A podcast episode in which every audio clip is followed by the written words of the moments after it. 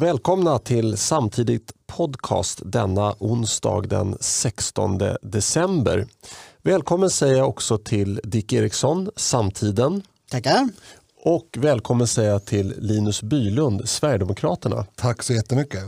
Jag heter Erik Dahlin, jag är helt oberoende och jag är programledare.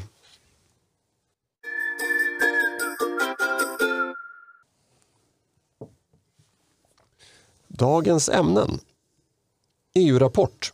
Coronafonden godkänd och en avtalslös Brexit närmar sig. Det nya medieinitiativet Bulletin sänder chockvågor genom vänstern. Patrik Sjöbergs kritik av Centerpartiets agerande. Regeringens sms. Centern säger nej till lättnader för gymnasieafghaner och öppnar sedan gigantiskt kryphål.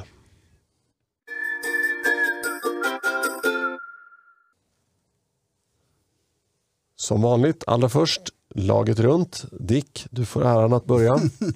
ja, just det. Ja, vad ska man ta upp? Nej, det, det som har varit i mitt, eh, min skalle den senaste veckan är, är det vi håller på med eh, på jobbet så att säga. Det, det, den här eh, uppstartningen av Riks är, är ju väldigt spännande. Eh, och, och testa alla eh, möjliga olika programformat och, och eh, bjuda in folk till till eh, intervjuer eh, med, med, inspelningar på telefon och Skype och annat sånt där. Det, det, det, är spännande att se vad tekniken numera klarar av eh, med ganska enkla medel. Det tar ju tid att eh, få allting på plats men, men, men det är roligt att, att se saker och ting utvecklas och bli bli eh, mer och mer omfattande, det tycker jag.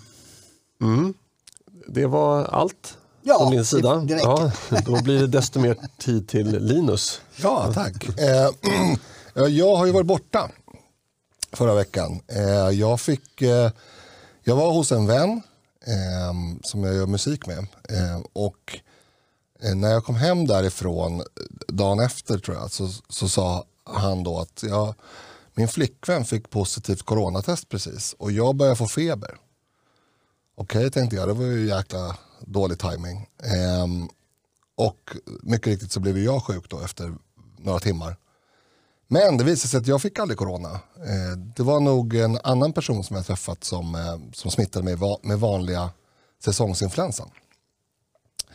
Eh, så att jag har varit ganska sjuk men inte haft corona då. och det hörs kanske.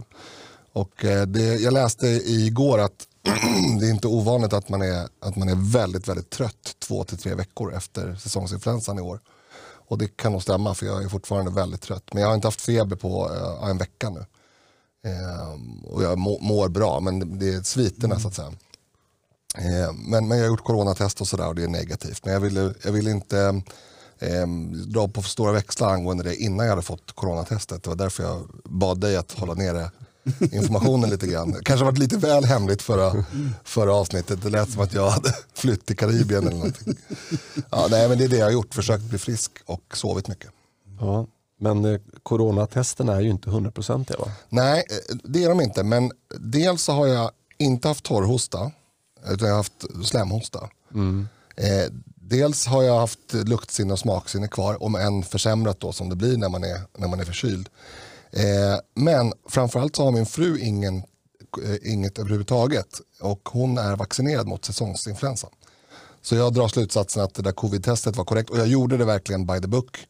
Eh, enligt boken. Ja, just det. Eh, och det var ju ganska hemskt det där. För, för er som har gjort det så känner ni säkert igen det. Man ska ju stoppa in där topsen i långt, långt in i näsan. Och den ska vara där och snurra i tio sekunder eh, och i svalget och, och, så ska man spotta i någon kopp och sådär. Eh, och jag gjorde det där rigoröst och det var negativt. Så jag utgår, och det var när jag var som absolut mest sjuk. Så jag utgår från att det var korrekt. Vad skönt, då kan vi andra pussna ut höll jag på att säga. eh, men, men, jo, jag eh, har en hälsning att framföra till dig Dick. Jaha. Ja, från eh, Anders Borg. Ja. Ja. Det var en rätt rolig händelse. Jag var eh, åt... Är det barnförbjudet? nej. nej, nej, nej. Eh, nej han, ja, han visade stake i och för sig, men, men inte den. Nej, mm. nej men eh, han... Eh, eh, vi, vi, jag var ute åt middag i tisdags eh, det vill säga en vecka innan dagens inspelningsdag så att säga. Eh, och det var eh, åt middag med eh, två, i, eh, två konservativa unga män, eh, Julian Kron och eh, Andreas Palmlöv. Mm. Och de hade också eh, ringt in, eller vad man nu ska säga, Dan Korn. Mm. Så det var, det var en mycket gemytlig upplevelse. Han är ju eh, otroligt trevlig och beläst. Och, eh, han, jag tror han frågade mig tredje gången han frågade mig om jag läst en bok så, så fick jag för tredje gången säga att nej, men jag läser inte böcker. Alltså Dan Korn är ju, det är ju det är en sån här person som man, eh, man vill bara sitta ner och dricka öl med honom. ja, För att han är så förbannat jäkla eh, underhållande och trevlig och, och intressant. ja. Eh, De andra två är också väldigt trevliga ska jag säga. Ja, precis. Jo, men verkligen. Eh, Men, men då, då, av en ren slump så fick vi bordet bredvid Anders Borg och Dominika Persinski. Ja, ja. Ren slump. Och eh, då, då sitter Dan och eh, pratar om finansministern Ernst Wigfors. Varpå Dominika snappar upp ordet finansministern. Mm. och eh, plockar upp tråden därifrån. Eh, och då sa vi, nej men vi pratade inte om, om din finansminister så att säga, utan vi pratade om en som var för mycket länge sedan. Men, det, det var, men, men hon, eh, Dominika, vad jag förstod, är ju judinna då. Mm. Så hon tyckte det var väldigt intressant att prata med Dan i och med att han var där i Kippa och, Mm. och sådär. Hon kände igen honom sedan tidigare. Och, eh, ja, det, var- det var ett väldigt, eh, väldigt roliga samtal kan man säga. Hon är väldigt, borden där. Ja, precis. Hon, hon, är väldigt, ja, precis. hon är väldigt frispråkig. Och, eh, eh, Anders var också på glatt humör och berättade att han har varit ordförande för Heimdal eh, när han fick höra då om, om Julians engagemang i konservativa förbundet och sådär. Eh, och så frågade han vad jag gjorde, då berättade jag om podden och då så sa han det. Ja, du får hälsa Dick så mycket. Mm. Ja, Hälsa tillbaka via Ja. podden här. får göra det. Ja, det går i cirklar för Dick tipsade mig om, om eh, boken Finansministern. Eh, visst hette den det? Ja, den Ja. heter det precis. Hans ja. memoarer. Och jag kunde inte, eh, jag, jag började lyssna på den i, i bilen. Men det, det, det gick inte.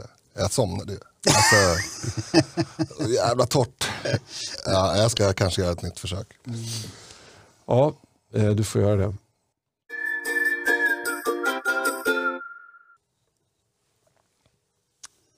EU-rapport. Coronafonden godkänd och en avtalslös Brexit närmar sig. Eftersom vi tagit upp den så kallade coronafonden vid ett par tillfällen i podden så kände jag att vi var tvungna att berätta att den nu har godkänts av samtliga medlemsländer.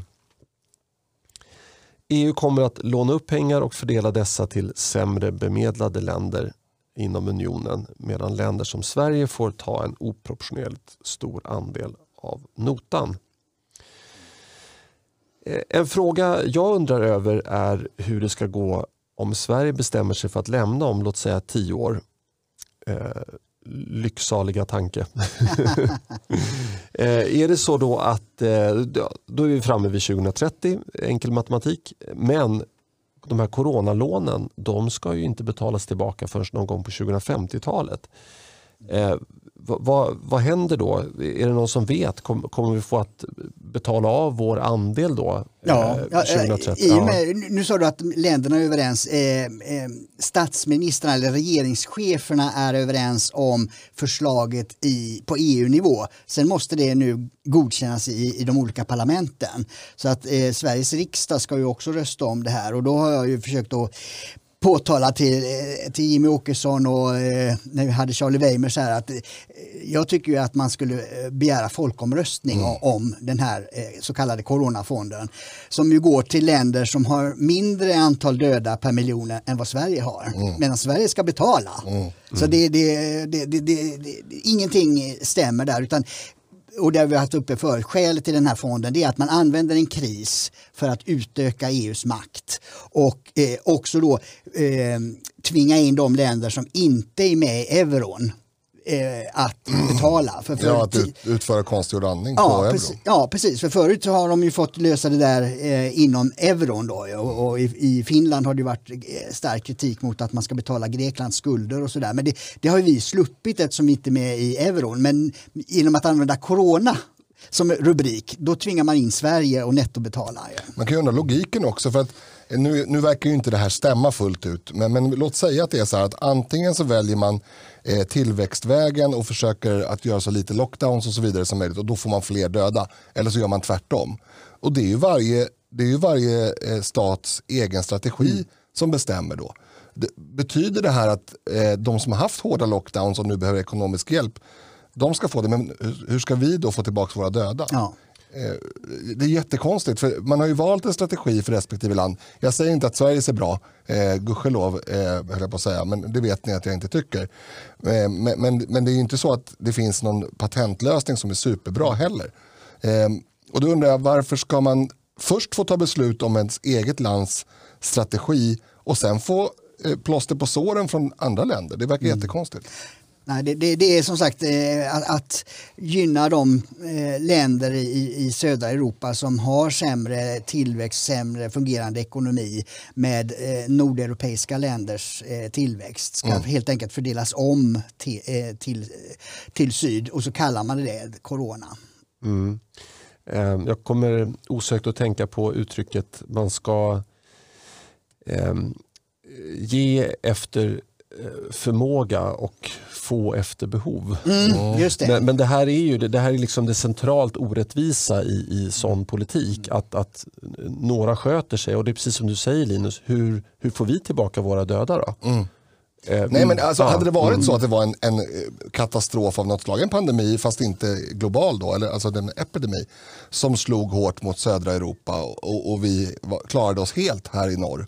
Absolut, men då hade vi kunnat fundera på hur ska vi hjälpa de här medmänniskorna eh, på bästa sätt. Och, men det gör man ju å andra sidan när man har lite för mycket pengar, lite för mycket resurser. Det är då som man hjälper andra. Man, man ser ju till att man själv har eh, det gott ställt först. Och, och I Sverige har vi inte det, utan vi har äldre som dör på vårdboenden för att personalen inte kan prata svenska. Vi, vi har så långt kvar till nivån där vi bör, bör hjälpa andra så att det liksom inte finns på kartan.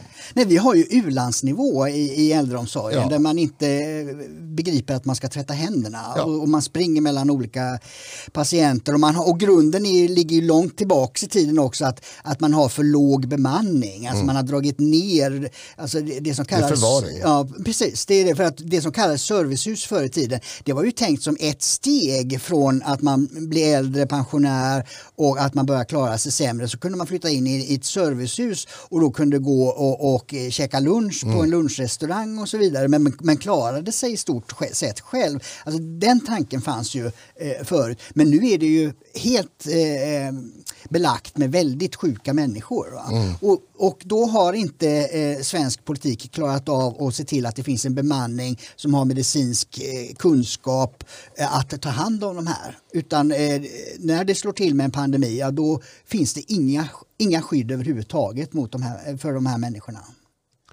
En samvetsfråga, Linus. Lyssnade du på fredagsavsnittet? Nej? Nej, okej. Det, det, Jag lyssnade delar av båda avsnitten. ja, okej. Mm, det var därför jag kunde hålla med dig om en viss eh, ljudkvalitets... Eh, kritik. Ja. ja, okej. Nej, men eh, man, eh, eh, jag hoppas att du inte har lyssnat på några konkurrentpoddar istället. Då. Jag har inte lyssnat på någonting, jag har sovit. Nej, vad skönt. skönt att höra. Ja. Men där, där framförde vi en, en hel del kritik på det här temat. Och, och till exempel då att eh, det står ju på EUs hemsida eller vad det nu kallas för, eh, men off- officiell information från EU, att 30 procent av den här coronafonden ska gå till klimatsatsningar. Och då var min eh, reflektion denna att utsläppen av klimatgaser har ju gått ner under coronakrisen. Hela coronapandemin är en klimatsatsning. Ja, just det. Precis. Det kanske, kanske Greta som Eh, planterar just det, viruset. hon har beställt det här, ja, Ja, just precis. det. Eh, Så, men vad, är din kommentar till det Linus? Eh, tycker du också att det, att det är Nej, men jag befängt tycker, att man liksom jag smyger tycker, in... Ja, alltså jag, det, är inte, det är inte en coronafond, så där är det fel. eh, utan en eurofond och en klimatfond. Eh, det, det, det är skandal att Sverige, men även andra länder, inte har någon debatt om det här. Mm. Det, det har liksom inte, den, Stefan Löfven har skrutit med att han har, han har lyckats förhandla ner det här så mycket. Men alltså, om, om min bil är värd 50 000 kronor och jag säger till dig Erik, du kan få köpa den för 6 miljarder. Och sen får du jättemycket rabatt på det så det kostar bara en miljon. Då är det fortfarande en skitdålig affär för dig. Ja, men det, är, det, är, det, är, det, är den, det spelet för gallerierna som, mm. som de kör. Ja. Eh, det är patetiskt. Mm. Ja, men jag, jag, kunde inte hålla med mer Linus. Eh, jag tänkte vi skulle nämna något om Brexit också. Mm. Vet vi nu att det, att det blir hård Brexit? Eller? Nej, de har ju förlängt, eh, som, som, alltså det är det jag avskyr med den här så kallade förhandlings... Eh, eh, ekonomi eller politik. Eh, att, att det, allting svajar fram och tillbaks. Och nu, nu har du en stoppdag här förra veckan då allting måste vara klart annars blir det en hård Brexit. Nu har ju, eh, vad heter hon, von Leyen sagt att äh, men nu, vi kan fortsätta förhandla. Så man fortsätter förhandla och har stannat klockan liksom en minut i tolv eller vad man nu gör för någonting för att, för att kunna fortsätta och, och förhandla och, och man jobbar ju med nödlösningar då, till, till, exempel det här med eh, att eh, eh, British Airways har ju massa flygningar eh, mellan London och, och, Europa och så att, att de, eh, och det bygger tydligen på eh, något avtal som medlemsländerna har och när då Storbritannien inte längre är medlem, ja då har de inte tillstånd att flyga på Europa. Nej. juridiskt. Så att det är massa sådana lösningar som jag tror att man håller på med mera egentligen än att förhandla. För det verkar ju inte som om man kommer överens. Nej.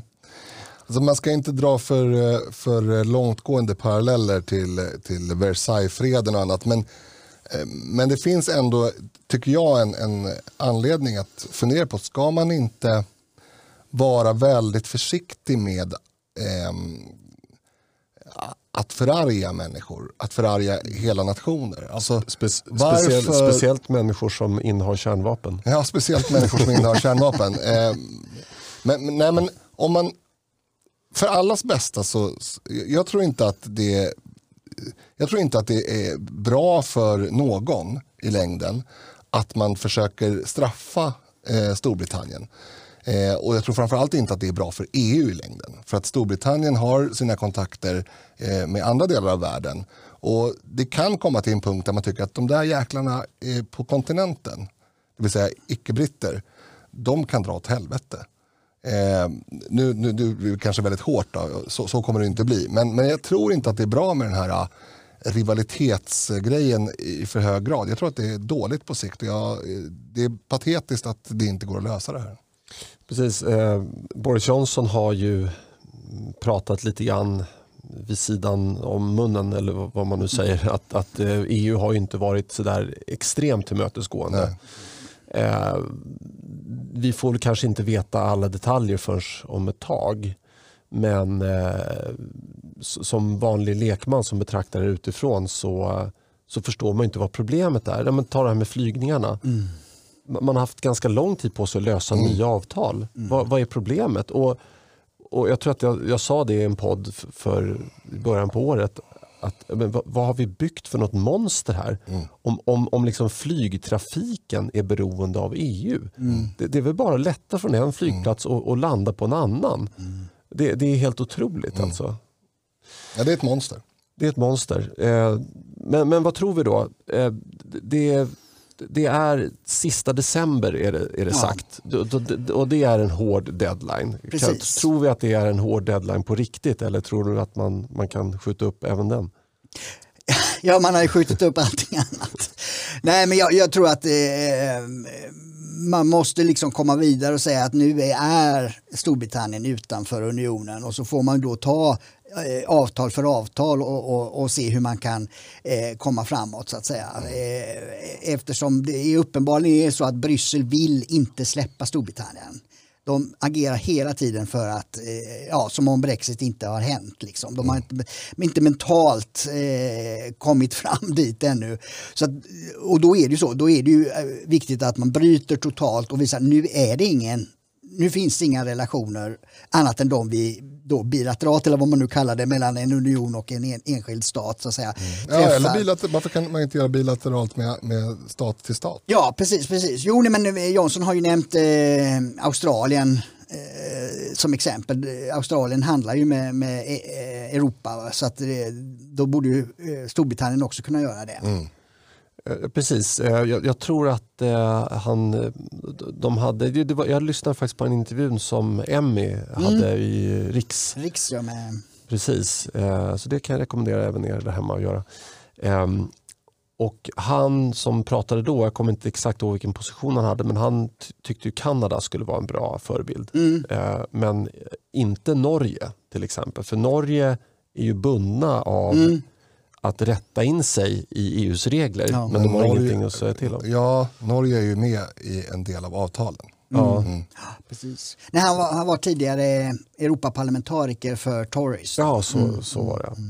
Ehm, Men vad, vad tror vi nu, eh, hur, kommer det gå för, för Storbritannien? Kom, kommer det här bli lyckat på sikt? Lite kort. Det kommer det göra. Absolut. Ja, alltså kortsiktigt så är det alltid eh, övergångar och eh, ställer alltid till problem och det är aldrig, marknaden gillar ju aldrig osäkerhet. Så, att säga. så eh, själva övergången kommer och, och säkert att vara en del stök och media kommer att säga oh nu går det åt skogen, nu är allting eländigt och allting kommer att gå eh, precis. Men jag, jag tror på, på lite sikt så att säga när man har alla parter har insett att nu är det det här som gäller. Då kommer man ju att finna bästa lösningar för det är ju så Europa vill ju exportera till Storbritannien. Så det, det är ju det är liksom inte bara, det framstår ofta i media som att det är Storbritannien som behöver ha avtal med, med Europa, men det är lika mycket Europa som Såklart. behöver avtal med Storbritannien, så det kommer att lösa sig.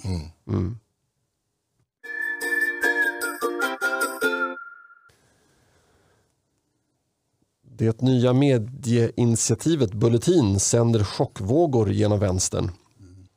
Hur kan ett initiativ som inte ens har kommit igång skapa sådan avsky? Dick, Ja, vad tror du? Jo, jag gjorde en ledare på det. För jag, jag tycker de eh, vänstern alltså som har öst galla ö, över det här projektet som vi utanför, de som är inblandade, inte vet någonting om. De har inte släppt någon text av, någon, av något slag utan man har bara sagt att den här personen kommer att eh, jobba på ett eller annat sätt med, med eh, det här projektet. Eh, och, och det är ett antal intressanta namn och det är därför det blir då eh, en snackis så att säga. Men man vet inget om det. Ändå så kan vänstern fördöma det kategoriskt och, och säga att det bara är skit och elände och, och, eh, och liksom eh, ryggdunkande och allt möjligt sånt här. Och även då och här visar det sig att det här begreppet vänsterliberal är faktiskt väldigt adekvat. För även då liberala tidningar har spytt galla och hånat det här projektet. Liberalismens första princip är yttrandefrihet. Att man välkomnar en pluralism i åsiktsbildningen. Men liberaler är inte ett jävla dugg liberala längre. Utan de hånar, eh, en- vidgad yttranderätt hånar dem. Eh, Hallandsposten till exempel, det är ingen stor tidning men det, den är liberal. Och, och, och det säger väldigt mycket om, om samhällsklimatet i Sverige tycker jag. Ah, och, och jag tycker att alla väljare och, och samhällsintresserade borde eh, tänka på vad det här betyder. Om vänstern kan gå ut så enormt hårt och håna och eh, driva med ett projekt som de inte vet ett enda ord om. Vad säger det om alla, deras, an- alla andra deras åsikter? åsikter? De bygger inte på någonting annat än känslor, eh, en, en, en vilja att pressa eh, motståndare eh, på defensiven med ja, känsloargument. Och det, det, det får inte gå hem. Alltså. Det får inte det. Men å andra sidan, det spelar ju ingen större roll. Det, det är ju samma argument som i vanliga fall. Ja, för för att de- inte ens när det finns något att angripa så använder de ju argument. Nej. Utan det är känslor, det är propaganda, det är chimärer, rökridåer och så vidare. Eh, men jag skulle vilja analysera det här på, på två sätt egentligen. Dels där som, som Dick eh, är inne på, att det är ganska intressant då att, att ett, ett projekt som ännu inte är, ingen, ingen vet någonting om det. Eh, Det är hemskt och dåligt. Jag vet inte hur det kan gå till. Men jag tycker också det finns en annan vinkel på exakt samma sak. Och det är att varför, varför går de ut så hårt själva med det här projektet? Och att namn på namn går ut och berättar nu går jag över till bulletin. Alltså för mig, hade jag varit inblandad i det här då hade jag sagt så här. nej men eh, vi, vi väntar lite med att slå på stora trummorna här och så producerar vi någonting först. Så att folk ser att vi kan det här och att vi har vettiga åsikter och att vi har eh, eh, duktiga skribenter och så vidare. Jag tycker att det är lite stora trummor egentligen från båda håll. Det ska bli mycket intressant att se vad det här projektet ger. Men om det inte ger någonting som är totalt sopa banan med alla, då har man gått ut väldigt onödigt hårt. Ja, får jag göra en musikreferens? Det får Ja, du det är klart jag får göra. Det är, Ja, jag, som- visst. det är jag som bestämmer det här Ja, programmet. Du brukar alltid göra musikreferenser. Ja, men jag, jag- kan, alltså, på 80-talet och även senare naturligtvis, men, men då eh, konstruerade man så här supergrupper. Man tog gitarristen från det framgångsrika bandet, sångaren från det, Ja, ja. basisten från det. Och så gjorde jag, det, ett, ett sånt band hette Kontraband, jag har skivan hemma. Kommer inte ihåg vilka som ingick i det, men det var liksom namnkunniga musiker. Floppade totalt. Ehm, och eh, ta då Riks. Det är ju mer Guns N' Roses. Det är liksom rebeller som slår sig samman och bygger någonting underifrån. Organiskt. Ja, eh, men, men då är det klart att om, man gör det organiskt på det sättet, börjar spela på lite småklubbar och eh, man får gillande och man växer stadigt. När man växer ihop framförallt. Man, man växer ihop som, som, som lag, precis. Ehm, då, eh, det är klart att det går man inte ut med, med dunder och brak och säga att nu har vi rekryterat den här totalt okända människan. Eh, och, men, men däremot, jag, jag kan förstå att Bulletin gör det därför att när, när person på person, då, till exempel Ivar Arpi, eh, Eh, hoppar av sina fasta anställningar, då, då börjar det snackas och, och rykten börjar sp- Ja, nej, nej, spridas. men jag säger inte att det är fel strategi. Jag säger att det är fel strategi om det inte blir en total succé. Då är det fel strategi. Ja, men, men de kanske inte hade något val. Det var det jag menade. Att, att det, det, det är för, att- för föregripa val. rykten så... Det är klart man har ett val. Det är inte så att det har varit tyst från de som anslutit sig till Bulletin eller som anställts av Bulletin. De har ju skrivit öppet väldigt stora ord om att det här är ett väldigt viktigt steg för dem och så vidare. Och som sagt, det kanske är helt rätt. Men det är bara rätt om det blir succé. Det är inte rätt om det inte blir succé. Men det, vem var det? Eh, hon- ehm, Dalman var det Ja? På, Caroline. eh, Caroline Dalman på eh, Kristianstadsbladet. Hon eh, jag tror jag var en av de första då eh, som slutade och då sa hon ju det att, att jag kan inte säga vad jag eh, ska jobba för. Utan det var ju häromdagen då eh, som sa Mm. Igår, äntligen, får jag säga vad jag ska göra. Mm. Så att man har faktiskt inte haft en ambition av att droppa namn. Utan, eh, så att, utan jag tror att det är så här att den svenska eh, journalistkåren, eh, det det är en väldigt liten ankdamm. Eh, väldigt liten ankdamm i Stockholm.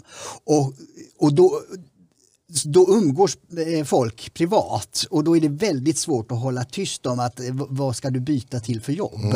Alltså det är väldigt svårt att, och, officiellt kan man ju eh, säga att jag, jag gör inga intervjuer om, om, om vad jag ska jobba men på privata fester och sånt där, det, jag kan tänka mig det att det väl- kan vara svårt att hålla och då använder då droppas det här och det sprids eh, som en liten skvallergrupp så att säga och så hamnar det hos någon som, som då börjar poppa upp och skriva artiklar. Det är ju, det är ju framförallt sossetidningar som har skrivit om det här. Mm.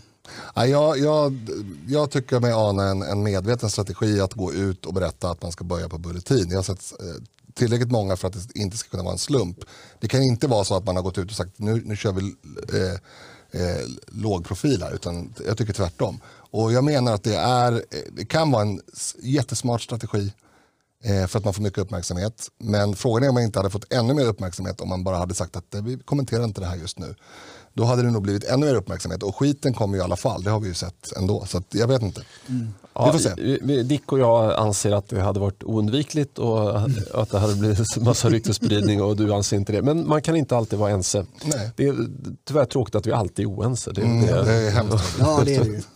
Nej men i alla fall, eh, det, det, det jag funderar på, jag, jag vill ju verkligen att, att det här projektet ska bli framgångsrikt. För att, det, det är klart att, att de här skribenterna, de står ju för ett narrativ som jag själv står för. Vi kanske inte tycker exakt lika i alla frågor men, men ändå ett, ett form av konservativt narrativ. Ehm, Mm. Det är Men, Svenska Dagbladet at its, its best. ja, men På sitt precis. bästa. Ja, precis. Eh, och typ den enda anledningen till att man överhuvudtaget läser Blaskan höll jag på att säga.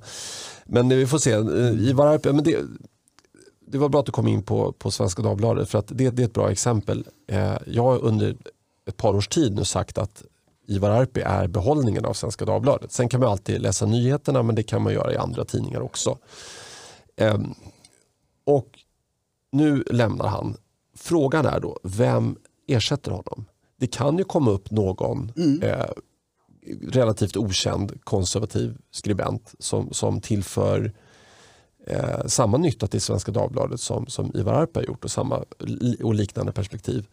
Eh, men om det inte gör det och, det är, och ingen i princip eh, utav de här skribenterna ersätts av några likasinnade Mm. då har man ju då eh, deplattformerat pla, pla, plattformerat sig själv, själv, ja.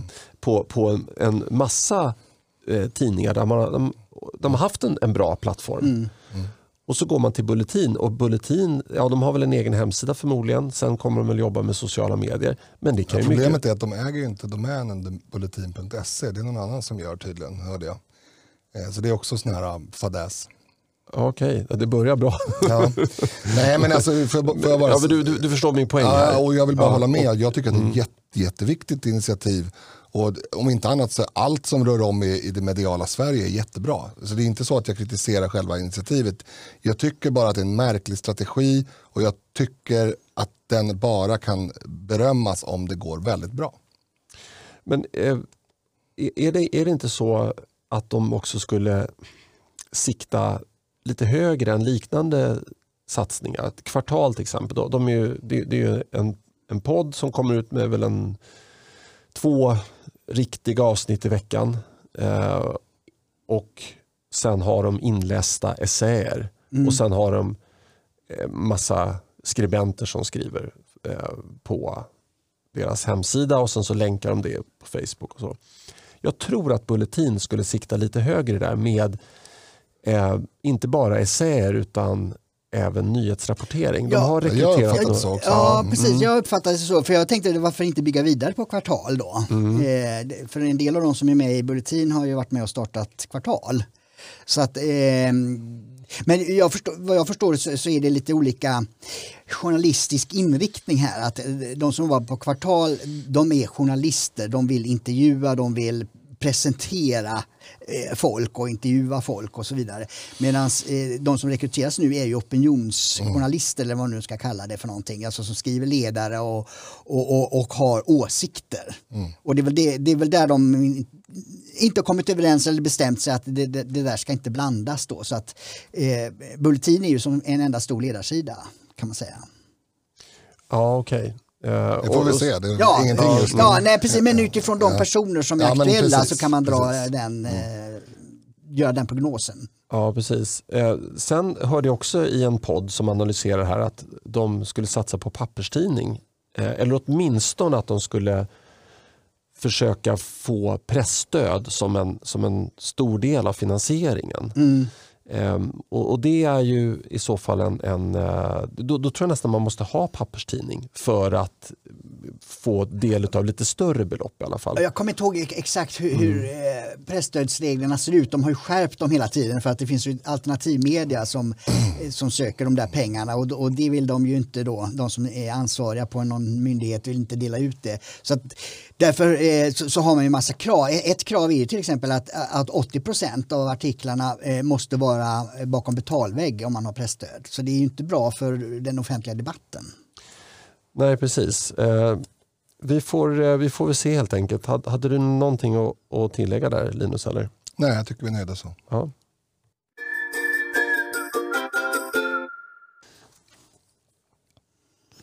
Patrik Sjöbergs kritik av Centerpartiets agerande.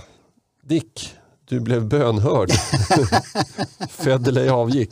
Ja, han gjorde det. Det var säkert min, eh, min påverkan. Nej då, det, det var väl oundvikligt helt enkelt. Eh, och och eh, det som är intressant är ju då att, att höjdhopparen Patrik Sjöberg intervjuades av Riks i måndags då och han eh, tog upp en viktig poäng tycker jag. Det är att Centerpartiet måste göra upp med det här. Vad, vad, vad är det som har hänt? Liksom? För att nu är Federley borta, men hur har Centerpartiet agerat? Och han menar ju då, eftersom han ju nu jobbar som föreläsare och annat och, och, och ju har själv en, en, en barndom eh, där han blev eh, utsatt för övergrepp.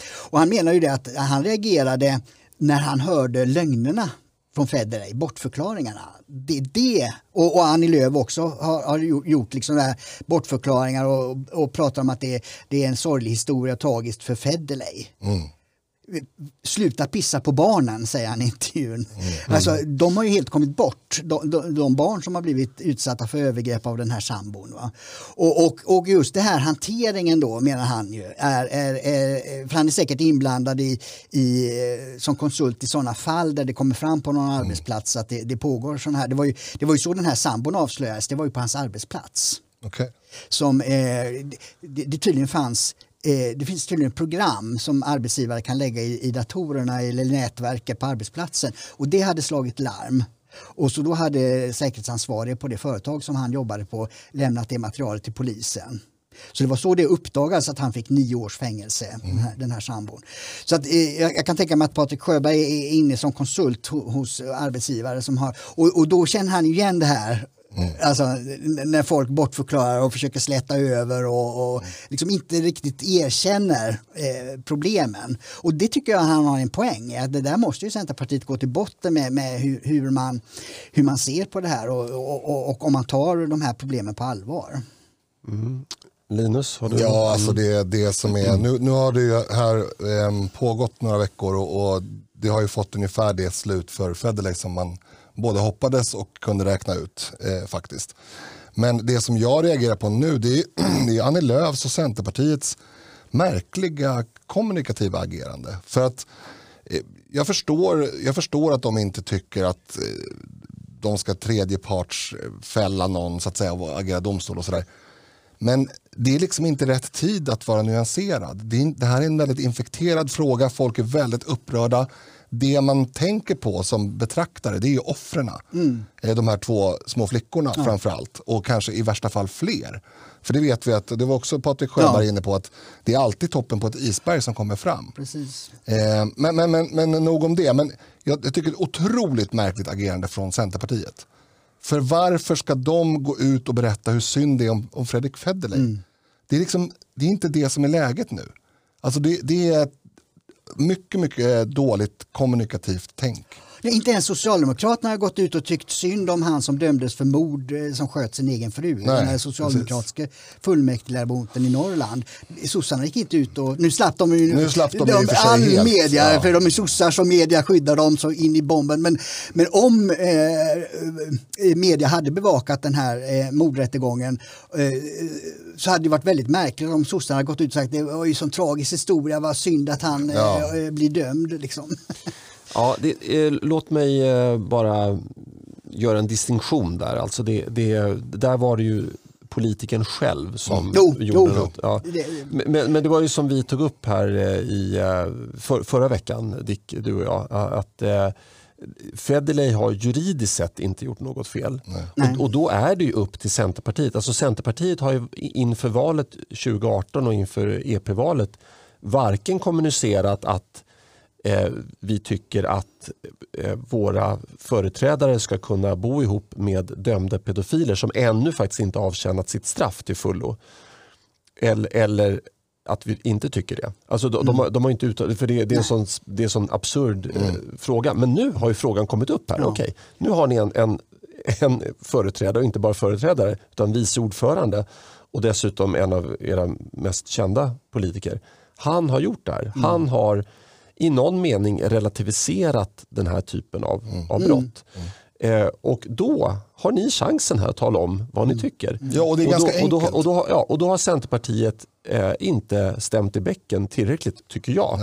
Eh, och, och därför kommer jag aldrig rösta på Centerpartiet mer. Men, men det skulle jag inte göra i alla fall. Nej, Nej det, så är det. Eh, så att, men, så att, men det är kanske så att de, de kanske vill attrahera väljare som, som tycker att det här brottet är inte värre än att man kan bo tillsammans med en en sån som har blivit dömd för det? Jag, jag, jag, tror, tror att, att det är klant, de är klantiga. Ja, jag, jag tror att de är lite, um, precis, det, det, det, blir ju så, det, det nämner ju Patrik Sjöberg också, att när, när det kommer nära inpå mm. så blir det en annan sak. Och, och, så, så, jag tycker man ska se Centerpartiet här som en arbetsplats. Alltså det skulle kunna varit vilken arbetsplats som helst där det uppdagas att eh, det, det eh, är, är den här typen av relationer då. Även om nu Federley inte har, har, gjort någonting olagligt så, att säga, så finns det, den där problemet problematiken drar man in i, i, i verksamheten. Och det, det, är ju det som är Patrik Sjöbergs eh, kloka poäng tycker jag. Det är liksom att där måste arbetsplatsen göra upp med hur man ser på saker och ting.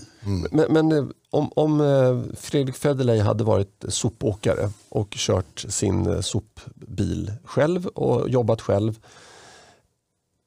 skulle, skulle det verkligen varit en grund för Nej, uppsägning? Det, det är inte en förtroendebransch. Det är inte så att Nej, men det var det jag menade. Mm. Ja, det, det var, precis. Att det, mm. alltså, jo, inte jo. vilken arbetsgivare som helst. Nej, utan, nej, nej, det blir ju mm. naturligtvis mm. betydligt allvar. Men, men jag, jag tror att, eh, eller jag tolkar Fredrik Sjöbergs in, Patrik Sjöberg, förlåt, inlägg i det här som om eh, eh, att han är van vid att det kring sådana här fall uppstår den här eh, vad säger, oviljan att ta i problemet. Mm. Eh, och, och, och, jag håller med, det är ett problem i sig att man liksom försöker släta över och, och, och göra sådana här saker som inte jag tänkte på in, innan han sa det i den här intervjun.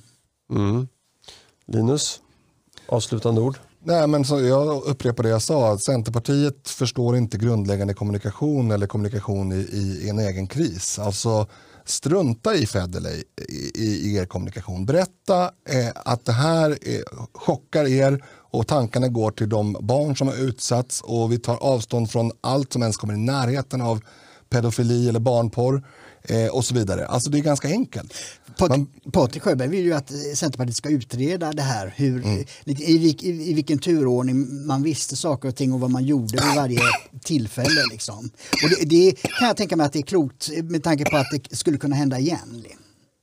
Ja, Nej, men återigen, det här är ju... Eh, Federley kan ju, vad vi vet nu, inte ställas inför rätta nej, på något sätt. Utan det är helt och hållet enligt min uppfattning en, en intern angelägenhet för Centerpartiet hur de vill kommunicera eh, sin värdegrund mm. egentligen gentemot eh, potentiella väljare. Mm.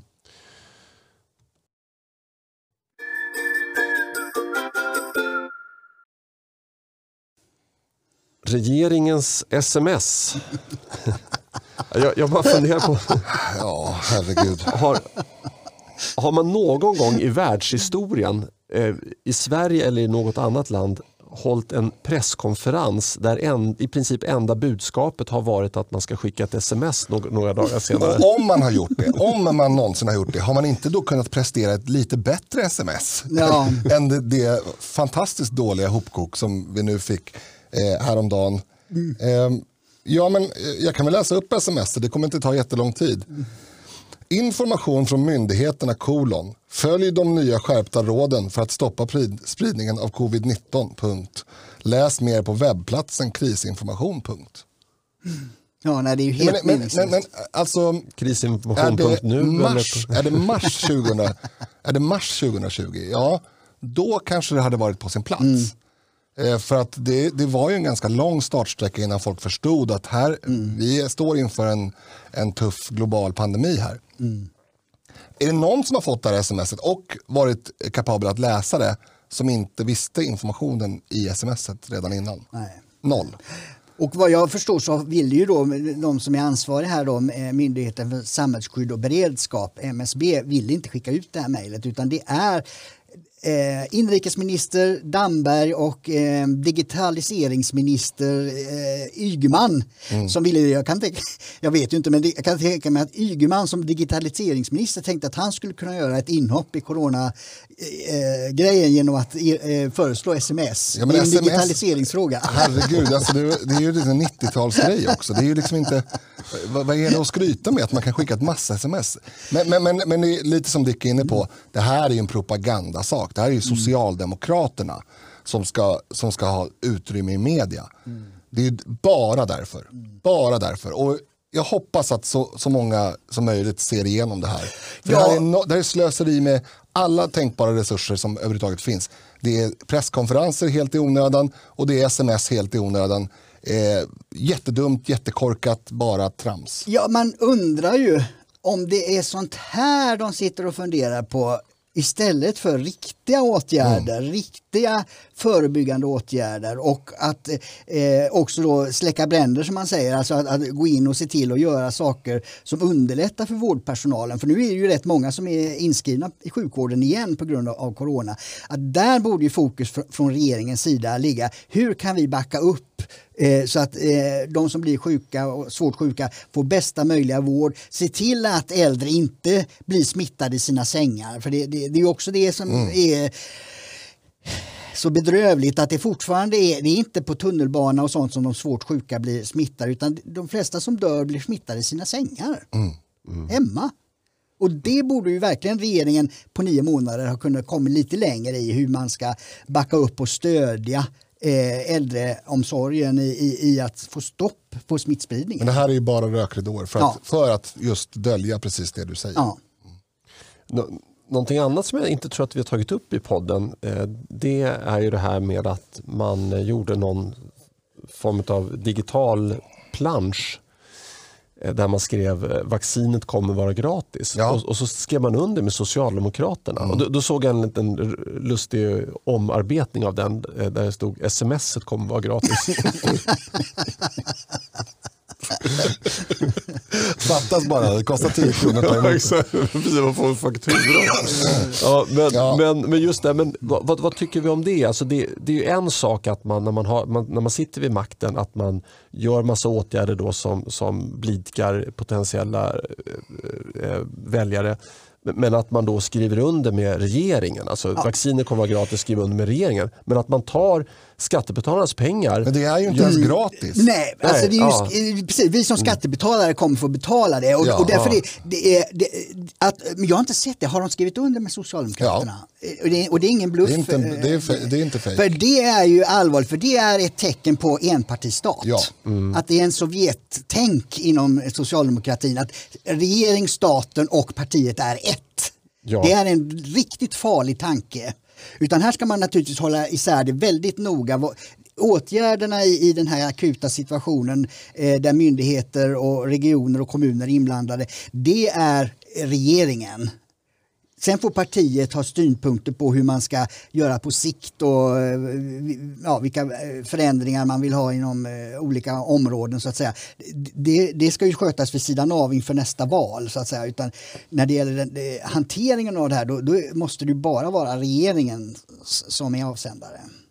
Ja, det, det är ju um, uh, det, det, är anmärkningsvärt. Um, och det är ju, man, man kritiserar ju Trump, nu ska vi inte blanda in honom med allting men man kritiserar honom när han liksom gav ut de här eh, om det var 1500 dollar eller så över hela mm. eh, USAs befolkning och att det då var liksom lite röstfiske och så. Men, men mm. mig veteligen så använde inte han det direkt i några personkampanjer. Det blir ju mer personligt mm. i och med att han är president. Mm. Men, men det här är så otroligt. Har, har du hittat eh, Ja, jag är inne på flagrant? Socialdemokraternas ja. Facebook här och jag visar för er och berättar för lyssnarna att det är en bild på Stefan Löfven och så står det vaccinet kommer att vara gratis och så står det under Socialdemokraterna. Mm. Eh, på deras egen Facebook-sida. Så det här är inte fake utan det är från den 4 december för den som vill eh, titta närmare på det. Och det är ju precis som Dick är inne på, det, det andas ju eh, Saddam Hussein, mm. Lukasjenko mm. Eh, och sådär. Pol Pot. Pol Pot. Mm. Ja, Nej men det, det är ju... Det, jag trodde ju att det var fake när jag såg det. Mm. Um, det heter inte fake, det heter falskt. Mm. Mm, jag trodde det var falskt när jag såg det och, och, och kollade upp det då direkt. Eh, och, och, och det, det, är för mig så här, hur kan man vara så kass? Mm. Kommunikationsmässigt kass. Och det är två fel egentligen. Det ena är ju precis som Dick är inne på att det här är ju Folkhälsomyndigheten eller möjligtvis regeringen som ska gå ut med.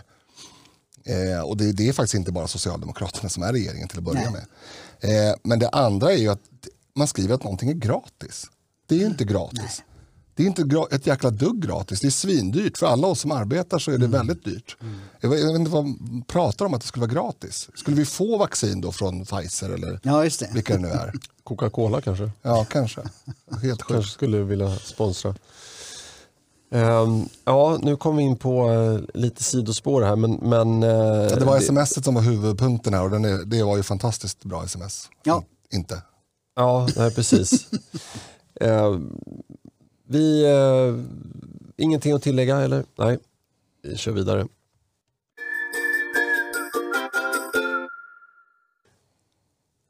Centern säger nej till lättnader för gymnasieafghaner och öppnar sedan gigantiskt kryphål. Eh, du skrev om det här i eh, Samtiden Dick. Ja precis, och det är ju eh, så jäkla sorgligt. För, för först blir man ju lite glad där när Centerpartiet sa nej till Miljöpartiets nya undantag för de här 9000 afghanska männen som inte har, inte har skäl för asyl men som ändå har fått stanna. Eh, då ville Miljöpartiet göra ytterligare undantag där, att de inte skulle behöva jobba lika länge. Och de, ja, det var en massa sådana lättnader då eftersom de inte klarar av gymnasiestudierna eh, så som det var tänkt. Hur många var det som ens klar, har klarat av dem på Jag har de här inte åren? siffror. Men det det var väldigt få. Ja, det var vä- väldigt få. Så att nu vill ju Miljöpartiet hela tiden eh, göra allt för att ett nej blir ett ja. Mm. Och då sa Centerpartiet för, för några veckor sedan nej, Centerpartiet går inte längre med på några nya lagändringar i den här gymnasielagen för att det ska vara lättare att stanna. Och då tänkte man, oj då har de nyktrat till. Men skälet till att de sa nej till det är ju att de redan hade förberett för, precis som du var inne på i inledningen där, en annan gigantiskt undantag som heter på juristspråk kallar de det alltså utökad humanitär skyddsgrund. Och vi vet ju vad alla undantag i den här typen av eh, lagstiftning betyder. Eh, det betyder nämligen eh, att eh, det blir enorma kryphål där både Migrationsverkets personal kan eh, hitta anledning att, att tillämpa undantaget för att låta någon som inte uppfyller några krav ändå få stanna. Och vi har migrationsdomstolarna där det sitter nämndemän från vilka partier då? Vänsterpartiet, Miljöpartiet, Centerpartiet som släpper igenom oerhört mycket beroende på, ja men det finns ju ett un, en undantagsregel här. De uppfyller inte kraven men det finns ett undantag här. Eh, och, och här eh, vidgar alltså Centern det undantaget. Så, med, det, det är ju självklart så att, att om man tittar på hur världen ser ut så eh, eh, kan det inte vara särskilt många som inte skulle omfattas om humanitär skyddsgrund. Nej, det är alltså miljarder och åter miljarder ja, de är människor. fattiga, det är mycket kriminalitet ute i världen, det är eh, allt, alla möjliga olika. Det, nu fick ju någon stanna här i, i, enligt eh, nämndemännen i migrationsdomstolen beroende på att personen skulle kunna bli inkallad till värnplikt. Oh, vad hemskt, det är humanitär grund. Och nu vidgar alltså Centern detta, så nu är ju Ja, ja, till och med arbetslöshet i hemlandet kan ju vara så här, ja men det är väl humanitär grund att man ska bli försörjd i Sverige då istället. Så att det, det är ju fri invandring som Centerpartiet här eh, proklamerar.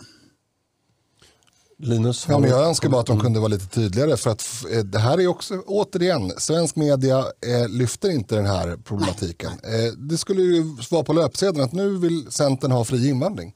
Och det är okej att, ha, att vilja ha Ja. det. Mm, absolut. Det får de tycka. Men att ljuga och säga att man, ja, men vi vill ha restriktioner, vi vill ha restriktiv migrationspolitik, men, men det är inte sant. Ni vill ha öppna dörrar, öppna gränser. Det, jag, jag som eh, bara är 42 och inte har varit med så länge. jag, eh, jag undrar, har man hållit på med den här typen av retorik förr i tiden Nej. också? För nej. Nej, alltså förr hade man ju en Eh, dels hade vi någonting som kallas eh, ämbetsmannatraditionen på myndigheter. Att man var väldigt noga med att, eh, följa eh, reglerna eh, och, och inte eh, bevilja undantag utan att man var eh, ordningsam. Och det var ju ett sätt att uh, hålla korruption borta från Sverige. var ju just det att all lika behandling var liksom paradgren och det var det även under eh, kungamakten, alltså 1809 års eh, grundlag. Eh, för enligt den så var alltså det bara tunga, höga och konservativa jurister som var emot det här med sterilisering, tvångssterilisering som skedde från 1920-talet fram till 70-talet. Det var bara konservativa jurister som var emot det på grund av 1809 års grundlag där kungen ska skydda befolkningen. Och de ansåg det är inte att skydda befolkningen att, att eh, sterilisera dem mot deras vilja. Men alla andra eh, dåvarande partier med Socialdemokraterna i spetsen vill, ville göra det. Så att säga. Så att vi har en gammal ämbetsmannatradition som vill upprätthålla eh, rättsstaten och eh, följa reglerna och, och ha lika behandling. Och det har ju nu, framförallt sen efter 68-vänsterns eh, eh, framgångar här, eh, så har det blivit andra eh, prioriteringar. Just godhet, snällhet. Eh, eh, så har det blivit väldigt mycket så att nej, men vi gör undantag här. När det poppar upp ett fall, ja då gör vi ett undantag. Någon som inte eh, blir medialt uppmärksammad men kanske är mera eh, behjärtansvärd. Nej, det åker ut för att det, det blir ingen media på det. Så. Och det är inte svensk tradition. Svensk tradition är lika behandling och det, jag tycker den principen är, är så oerhört central och som vi måste lyfta fram mera i, i, i samhällsdebatten så att vi slipper sånt här skit. Mm, och jag, jag, tänkte också, det, det, det jag framförallt funderade på det, det var hur hennes eh, tjat om ordning och reda rimmar med att man då öppnar upp för eh, tjänstemannatolkningar. Det är en sorts korruption och det, ja. jag, jag, tycker att det är viktigt att poängtera det. Att bara för att man inte får pengar för att begå orätt så betyder inte det att det inte är korruption. Alltså det är korruption att sitta med egna politiska eh, ramar och, gör, och ta beslut och myndigheters vägnar för att få känna sig god. Det är det som är betalningen. Mm. Att få ryggdunkar av sina aktivistkompisar och så vidare. Mm. Det är också korruption. Ja, och, det, och, någonstans måste det här straffa sig. Alltså, vi behöver utreda det här från grunden. Ja, jo, det här är en enorm rättsosäkerhet som det heter mm. på juristspråk. Att, att eh, en, en person eller två personer som har likadan bakgrund vet inte hur de ska behandlas. Den ene kan råka hamna hos någon eh, välvillig handläggare och någon annan som följer de, de formella reglerna och inte använder sig av undantagen. Så, så, det öppnar vitt för precis att staten gör mm. precis vad som helst. Mm. Så vi kan lika gärna avskaffa all lagstiftning. Mm. Mm. Har man undantag för vad som helst så... Ja. Um,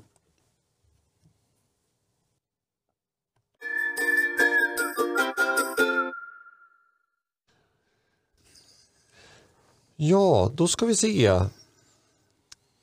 Du har lite formalia va? Jag har lite formalia. Mm. Eh, jag, eh, så här. Nu är det snart jul. Det är det va? Igen. Mm. och då, det, det, vi vet det är att eh, efter idag så kommer det att bli, eller under jultid så kommer det bli max ett avsnitt i veckan. Så mycket, ja. så mycket vet vi. Mm. Och det är sannolikt så att första veckan i januari blir helt utan avsnitt. Mm. Eh, eller rättare sagt andra veckan i januari. Strunt samma. Mm. Eh, vi säger så här, vi kommer att släppa lite avsnitt onsdagar. Vi kommer att eh, vara tillbaka ordinarie eh, den 15. Men mellan dess så kommer det komma lite nyårskarameller och lite andra grejer. Ja. Ja, så det är lika bra att vi inte uttalar oss mer exakt än så. Utan Nej, men man håller ju utkik och man har ju sina appar och man har ju sina prenumerationer så att man, man märker ju så att säga. Men, men eh, låt säga så här också, är viktigt. Jag tänkte vi skulle sjösätta en ny tradition. Eh, ni kommer ihåg det här avsnittet med Mattias Karlsson förra julen? Oh ja. ja. Mm. Det var ju väldigt uppskattat och väldigt lyssnat avsnitt. Eh, vi ser till att det kommer ut som en liten jultradition den 23 så kan man ha det och lyssna på när man julstökar och sådär hemma. Det blir ju fantastiskt. Ja, då, då får du stå för det. Ja, det löser jag. Vi, vi, kan också säga det att eh, din idé där och, och vällovliga initiativ att vi skulle ha en eh, Bra. eh, sammanfattning av våra bästa stunder under det gångna året. Det blir lite svårt att genomföra men vi kommer eh, förhoppningsvis att lyfta några utvalda delar. För det, det är ett antal personer som har hört av sig. Men jag säger så här, eftersom podden har gått från att vara bara ljudpodd till att vara en, ja, vad heter det när man kör bild? Någon sorts webcast. Mm. Så blir det konstigt att göra ett eh, best of avsnitt. Best av. Eh, med ljud och bild blandat. Det blir, lite kon det blir väldigt konstigt och väldigt mycket jobb eh, som vi inte har möjlighet att lägga resurser på. Men, men alla de som har mejlat in och tipsat om olika höjdpunkter och så vidare, det är inte förgäves utan det, det kommer vara jättebra för oss att ha när vi väl sätter oss och gör någon typ av bäst av avsnitt. Ja. Eh, så att, tusen tack till eh, ni som har gjort det i alla fall. Och därmed, om inte Dick har någonting att tillägga, så, eh, så går vi till eh, avrundning.